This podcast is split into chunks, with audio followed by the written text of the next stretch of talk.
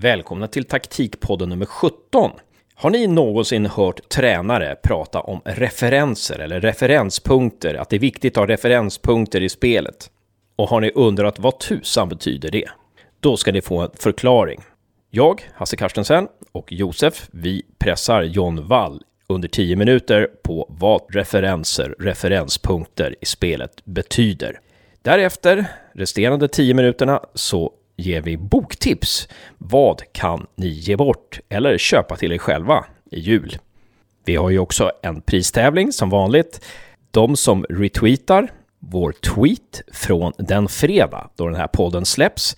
Ni är med om en utlottning och man kan vinna en månads provprenumeration på Game Insight Soccer.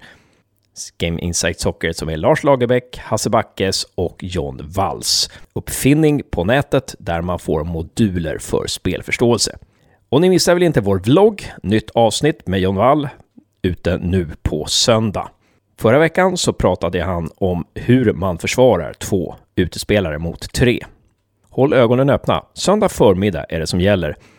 Och vill ni inte missa några avsnitt av vår vlogg så ta och prenumerera. Gå in på Youtube och klicka på prenumerera. Taktikpoddens kanal heter vi där. Nu kör vi igång nummer 17 och eh, vet ni vad som är bra? Det är bara en vecka kvar till nummer 18.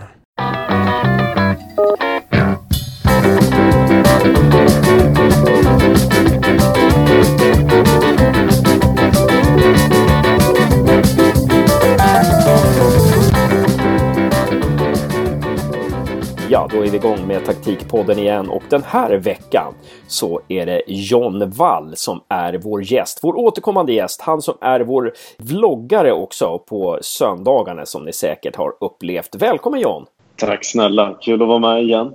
Presentation överflödig vid det här laget. Eh, väldigt kul att du ville vara med och du ska prata om en grej, men det ska vi komma till så småningom. För nu ska jag hälsa Josef välkommen också. Tjena Hasse, tjena John! Hej, välkommen! Tack så mycket, kul att vara med igen! Och vad ska vi prata om idag John? Hur man kan identifiera och skapa referenser i spelet. Som tränare och egentligen även om du som lyssnar som spelare. Och ju högre igenkänningsgrad du har, desto mer troligt är det att du förmodligen kommer kunna lösa situationer ute på plan. Och vad är en referens, John? Om jag skulle ta det enkelt så vi leker med tanken att vi har målvakt, vi har en backlinje, vi har mittfält och så har vi forwards. Och om vi placerar bollen hos målvakt så har vi ett antal utgångspunkter. Och vi tar den till backlinjen och sen till mittfält och sen forwards. Och det blir svårare och svårare att spela bollen framåt ju närmare du kommer motståndarens mål. Det kan du göra för att skapa liksom en, en bild av, okej, okay, det här är ju faktiskt en vanlig återkommande sak i spelet. Och även omvänt. Du försvarar och så går du hela vägen mot ditt eget mål. Och vad ska man använda referenserna till? För att inte hamna i saker, kanske som tränare, men även spelare, att man börjar tänka över situationer som händer och att man raljerar över dem. Skit kommer alltid att hända i spelet och det kan vara slump, det kan vara andra faktorer som spelar roll. Men det vi kan påverka är ju det som faktiskt är mer återkommande. Men en referens, det är alltså då till exempel om, om jag är mittfältare och spelar centralt mittfält. Då är en referens är motståndarlagets målvakt. Kan man säga så? Nej, men då börjar du hamna i positionell fråga. För den målvakten kommer vara där oavsett om du vill det eller inte. Förmodligen om de inte fått ett rött kort nyss och sådär. Va? Och byter den målvakten. Men det är snarare så här att du har bollen som central mittfältare. Du har förmodligen kanske en forward framför dig och du kanske har en medspelare till höger om dig och sen har du någon spelare ute till vänster. Men för att du ska kunna spela bollen framåt i det här läget så behöver du kanske driva mot motståndare, och göra ett väggspel med din medspelare för att komma förbi den där motståndaren. Eller någonting. Och med andra ord så har ni löst situationen. Det är en referens vad vi helst vill ska ske i en sån där situation. Okej. Okay. Så att en, ref en referens är att jag kan vägga mig fram med hjälp av min medspelare. Det är en referens, eller? Eller det blir att vi försöker söka upp motståndaren med bollen. Vi vill få till ett numerärt överläge mot den här spelaren. Alltså i det här läget två mot en. Och sen spela framåt för att du ska lösa situationen. En referens blir då istället för att säga varför passar du inte vänster för? Då blir det mer situationen. Så det hänvisar till när ni råkar tappa bollen. Men att även när det blir att du precis tappar bollen, vad är en referens då? Jo, att du tar en defensiv omställning. Inte av hur du mådde och kände dig just i det ögonblicket. Då det här med referens då? Då är alltså en referens är något man har pratat om innan en match börjar. Eller? Man har skaffat sig ett antal referenser. Det är det som en grupp man skapar en igenkänningsgrad. Vi leker med att vi har en försäsong. Vi, precis som en lärare och saker så börjar du skapa referenser i ditt, eh, när du lär ut saker i, i din pedagogik. Och ju mer saker du får in och som faktiskt fastnar hos spelarna desto mer troligt är det att de kommer kunna förhålla sig till någonting. Men nu pratar inte jag fortfarande om att vi ska överorganisera spelarna. Utan det blir, aha, det är ju det här. För när de väl är i spelet, ju mindre man behöver tänka på såna här saker och gör det bara, då är det mer troligt att man kan utföra det i högre tempo och oftare och med bättre kvalitet. Vad skulle man säga att en skillnad är mellan referenser och en kravbild? Eh, referensen är ju alltid en början, men kravbilden är ju vad du måste förmedla. Kan inte du förmedla och stå upp för den kravbilden dag ut och dag in och vecka efter vecka så är det ju någonstans där du börjar förlora dig själv som tränare. Men så att du var inne på igenkänning också. Man kan, kalla, man kan kalla referens för igenkänning. Så att om man tränar liksom hela tiden på det här med ja, om man tränar på de här situationerna så känner man igen dem under match. Om vi kommer två mot en eller om, om, om jag är ensam på mittfältet och får två motståndare mot mig. Eh, ja, om jag har liksom om jag har, känner igen den situationen från träning, att vi har nött om och om igen. Det är lite så du menar, så då kommer jag kunna lösa det under match. Mer troligt. Samtidigt så kan fotboll vara lite mer kaos. Men det är ju egentligen vad det är och hur du söker det vi egentligen har för avsikt att göra. Vad är vår intention med det här? Att söka upp motståndaren, att skapa två mot en, tre mot två, tre mot en, liknande. Varför gör vi det? Och det är liksom ett varför som är starkt. Då. Hur brukar du göra för att skapa eller för att förmedla dina referenser till ett lag? På olika sätt och inte bara på ett sätt. Utan det är ju, vi, har, vi är alla väldigt olika. Eh, det kan dels vara visuellt och presentera någonting innan träning men det kan vara delar, alltså att jag styr spelarna i någon form av... Eh, jag ska inte säga att A till B, B till C men egentligen någonstans en, en riktad övning som går mot det tills det att det leder till spel. Men sen kan jag även manipulera saker runt omkring för att de ska bete sig på ett visst sätt. Och det innebär regler, anvisningar runt omkring, begränsning av yta och så där. Det är olika sätt att göra det på. Kan du ta något exempel på en, en sån här eh, igenkänningsgrej som du skulle kunna ta upp som tränare? Vi leker med att vi har två lag som spelar mot varandra. Oavsett siffror eller numerär så säger vi att vi vill jobba med spelvändningar när vi kommer någonstans längre fram i plan. Då styr jag, eller jag kräver att de som försvarar måste ta upp två tredjedelar av planen i bredd konsekvent. Och vad blir konsekvensen då utan att jag behöver coacha de som har bollen? Jo, då kommer du förmodligen vara mer ledig yta på motsatt sida. Och då har jag manipulerat uppgiften för ett lag. Men jag kommer åt det jag vill med det laget som har bollen, vilket är min avsikt. Så det är alltid ett motsatsförhållande i fotboll. Om du säger att det försvarande laget ska uppta två tredjedelar av planen eller sin planhalva, då kan du visa, ja, så här ser bilden ut. Ser ni den här bilden? Kan du säga till det anfallande laget på träning då? Jag kan man inte behöva säga något. Jag kan ju fråga det ganska öppet. Liksom. Okej, okay, nu när ni har bollen här, var är den lediga ytan? Ja, den är där. Ja, just det. Var bra. Förmågan att se den lediga ytan, den förmågan är en slags referens, en igenkänningsfaktor. Så att när den uppstår på match så kan spelarna tänka ja, där är en ledig yta. Jag har lärt mig att se den. Ja, de behöver inte ens tänka på det. De gör det genom de här splitsäcken som händer. att Okej, okay, nu är det där och då går, kör vi där. Att flytta sig framåt i det där på det här sättet, ja det tar längre tid men det leder också förmodligen till mer varaktig kunskap. Ja, som David Sumter skriver att det ska sitta i det undermedvetna. Ja, för du har inte tid att vara medveten under match. Ja, men intressant. Då har vi lärt oss lite om referenser och eh, igenkänningsfaktorer på plan. Otroligt spännande John. Inför julen här ska vi också bjuda på några boktips. Slå ihop våra kloka huvuden och eh, jag, jag, kan ju i alla fall säga att man bör köpa Fotbollens matematik av Dave Sumter som jag i princip har eh, sålt in, försökt sälja, eller sålt in i varenda avsnitt här. Eh, den heter ju Soccer Mathics på, på engelska och är ju en bestseller i hela fotbollsvärlden. Det är ingen, ingen slump att David Sumter har blivit bjuden till Barcelonas akademi eh, sen de hade läst den boken. Eh, det är ingen slump att, att Hammarby går bra i år och så vidare. Och så vidare. Så att, eh, ja, fotbollens matematik och det var ju du som tipsade mig om den från början John. Så att jag har snott ett boktips av dig där.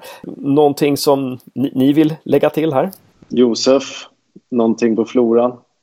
Ska man ta och smälla in sig lite och säga rotations and interchanges? Som är skriven av?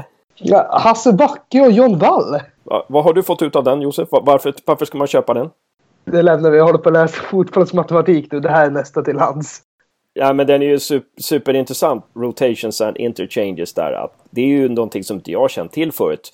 Som jag har fått, som jag fått syn på. Det är några lag i Allsvenskan, eh, bland annat Hammarby då, som jobbar mycket med platsväxling, eller lite med platsväxlingar i alla fall. Och eh, det hade jag något, de där, det där med platsväxlingar, det hade jag inte sett om jag inte hade läst den boken kan jag säga. Så att eh, den rekommenderar vi också. Och eh, den går väl ganska bra John? Gör det.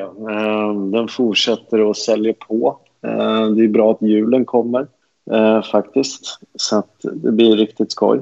Jag tror att den kan ta fart lite mer då. Eh, den säljs ju genom duktigbrand.com. Ja, precis. Och John ska snart få bjuda på tips. Eh, jag kan ju också uppmana er att köpa Bli ståuppkomiker Eh, det är inte en fotbollsbok, men det är en bok som jag har skrivit som har kommit i sina andra upplaga. finns inte så många kvar faktiskt. Ni får inte köpa för många, för då måste jag se till att förlaget trycker upp en tredje här. Det vet jag inte om jag orkar. Eh, ja, men John, har du någon, någon bok här som du vill eh, tipsa om? Jag slår ju ofta slag för böcker som kanske ligger lite utanför fotbollen ibland. Och den, jag läser oftast fyra böcker parallellt, det är väl ett av mina problem. Men det är lite för att jag vill ha näring från lite olika infallsvinklar samtidigt. Det oftast blir det ju böcker som blir reflekterande mer. Den som jag avslutade nyligen var eh, Essentialism, heter den. The Pursuit of Less. Fantastisk bok när det kommer till både till livet, ledarskap och allt i organisationer. Och framförallt så handlar det om, om frågeställningen, om du bara skulle göra en sak just nu, vad skulle det vara? Precis. Och det blir ju att man måste tänka till och välja mer selektivt vad man gör. Utan folk kan säga att man är stressad och allt det där.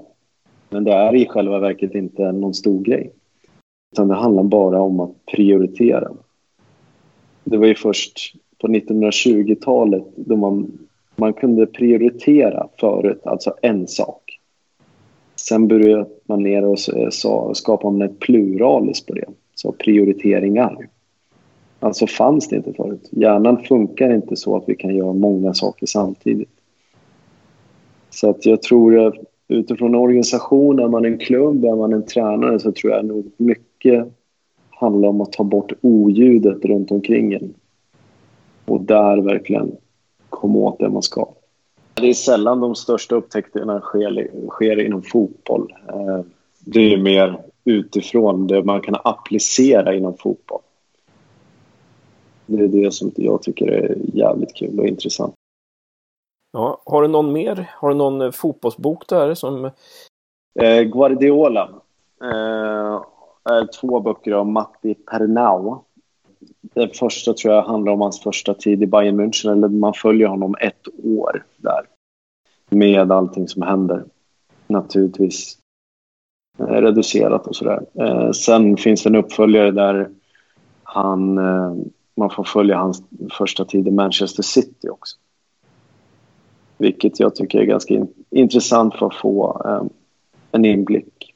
Annars, de som är sugen på att vara tränare och så, där, så ska man nog läsa på läsa in sig på Living on the Volcano som handlar om managerjobbet och pratar om eh, riskfaktorer, om utbrändhet och allting annat sånt där. Ja, har du någon bok på under 100 sidor du kan rekommendera? Ja, däromkring. Eh, nu ska vi se vad den... Viktor Frankel heter den, eh, författaren. Eh, och det är, handlar ju, han blev ju sedermera en psykolog men han är en överlevare, överlevare från koncentrationslägren. Och det är, på engelska heter den Man's Search for Meaning. Livet måste ha en mening.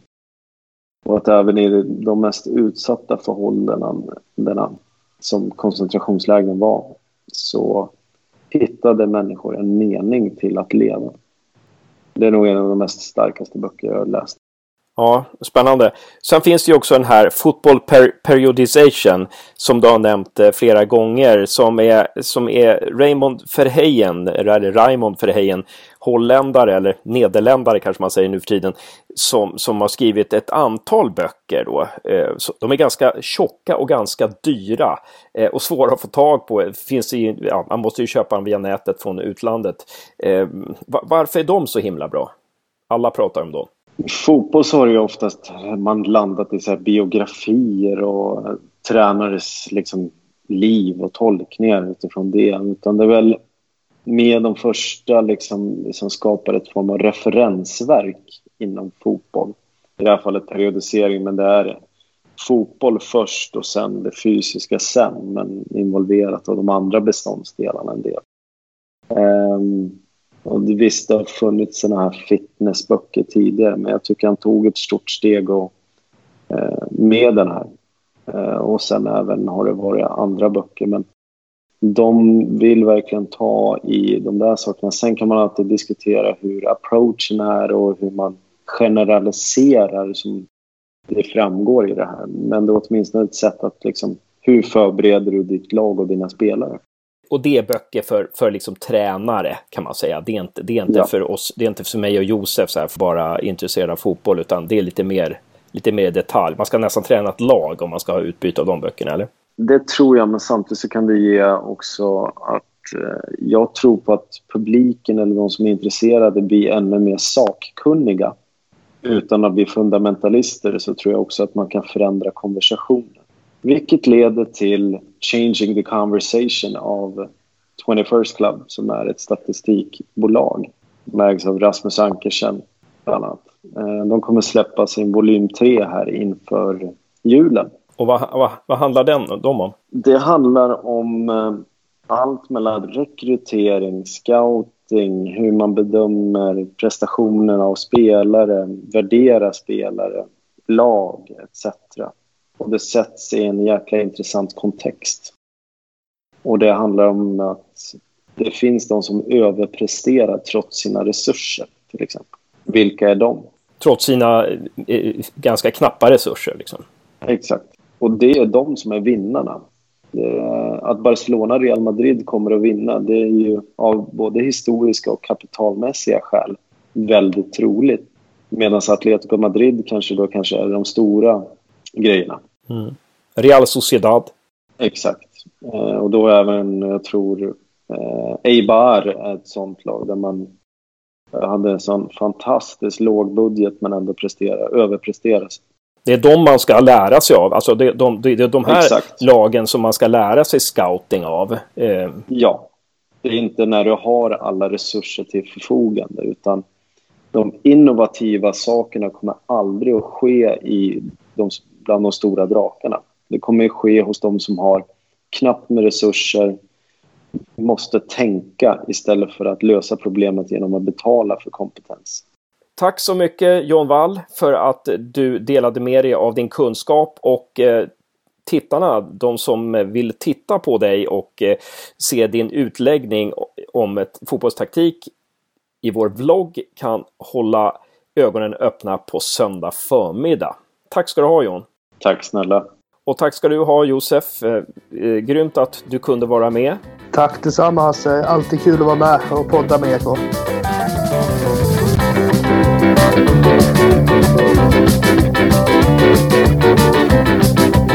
Thank